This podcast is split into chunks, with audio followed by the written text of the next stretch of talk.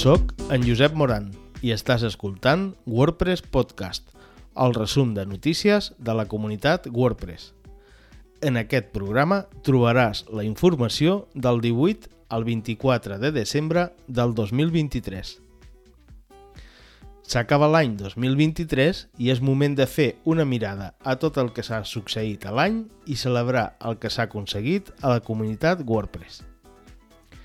Aquest any s'han incorporat 304 nous col·laboradors al nucli de WordPress, al llarg de les tres grans versions, 6.2, 6.3 i 6.4, i de les seves 6 versions menors.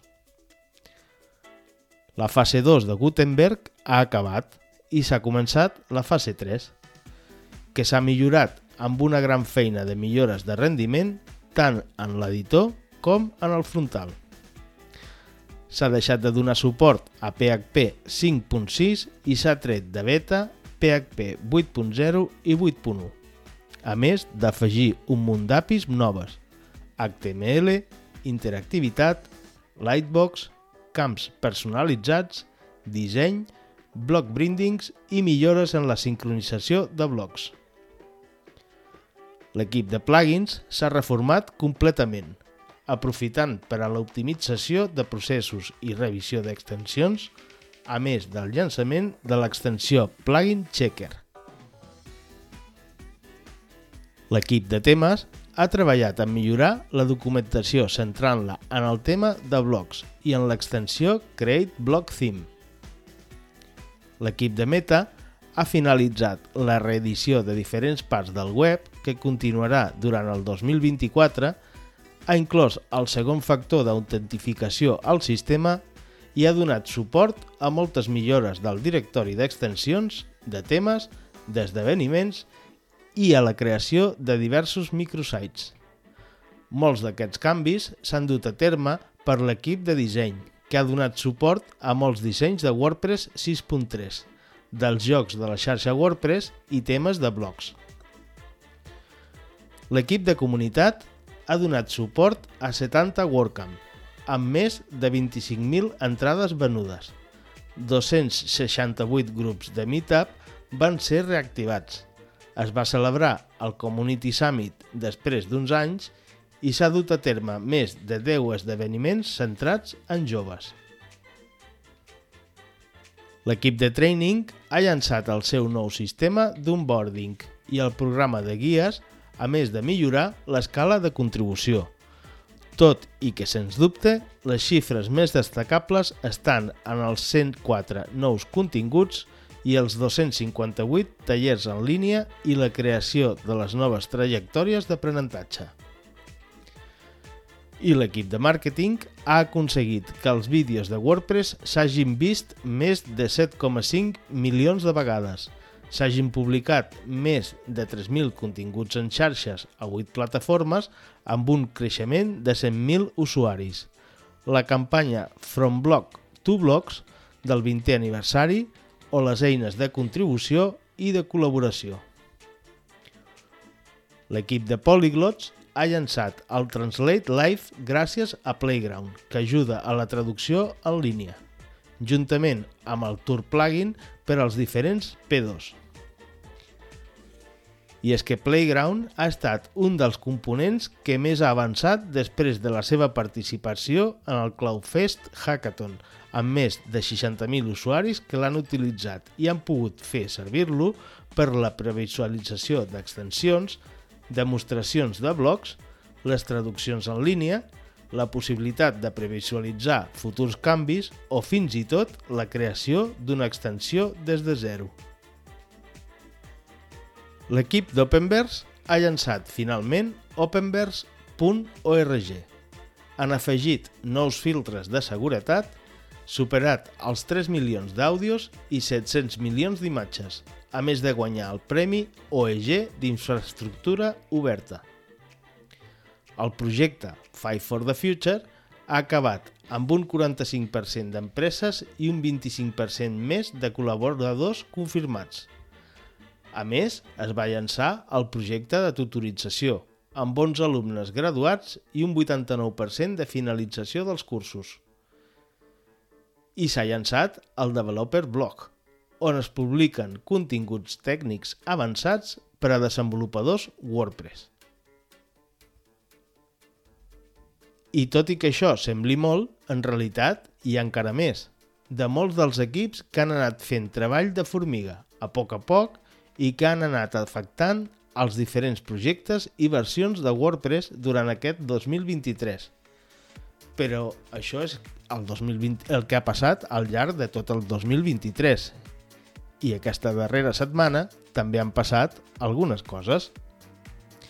De cara al 2024 tenim novetats a l'equip de Core i el llançament de futures versions.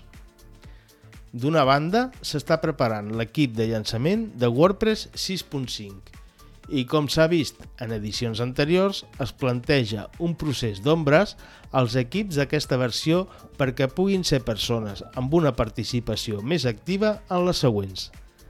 Aquesta nova versió estarà liderada per Héctor Prieto. I això significa que ja s'estan preparant les versions que es llançaran posteriorment, és a dir, WordPress 6.6 i WordPress 6.7. Per a la primera, 6.6, es calcula que la, que la beta serà el 4 de juny, siguent el llançament el 16 de juliol.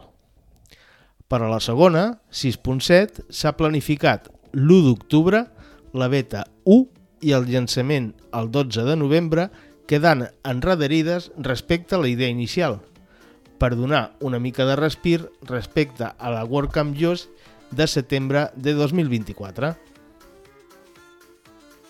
I aprofitant les novetats, Gutenberg 17.3 també ha arribat com a l'última versió de l'any i que inclou algunes novetats interessants per a la fase 3. Per començar, l'historial de revisions té ja un aspecte molt diferent i més visual, i inclou un petit resum dels canvis, qui els ha fet i altres elements que facilitaran la feina col·laborativa. També s'han fet millores al panell de preferències i s'ha integrat Gravatar com un dels jocs socials. L'equip de Performance ha llançat un resum de les millores a Core Web Vitals respecte l'any anterior que ha passat d'un 28% a un 36% en dispositius mòbils i d'un 32% a un 40% en escriptori, el que significa una millora general del 8% en tots els dispositius. Com a dada general, del 5,35% de millora mundial en mòbils, un 1,67% és gràcies a WordPress. En el cas d'escriptori, del 6,26% de millora mundial, un 0,97% és gràcies a WordPress. En el Developer Blog s'ha publicat una entrada sobre com estendre les extensions gràcies als slots fills que ajuden a integrar-se amb l'editor de continguts i l'editor de lloc permetent afegir i modificar característiques. Un dels exemples que s'integren és la possibilitat d'afegir característiques premium de forma nativa a l'editor o la d'estendre el sistema de Query Loop. L'equip de Polyglots continua fent millores a GlotPress i en aquest cas s'ha reduït les pestanyes del menú lateral.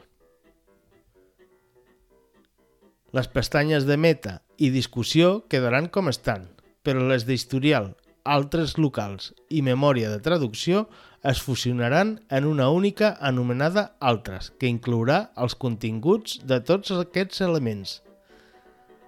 L'equip de comunitat està preparant la segona edició del programa de tutorització.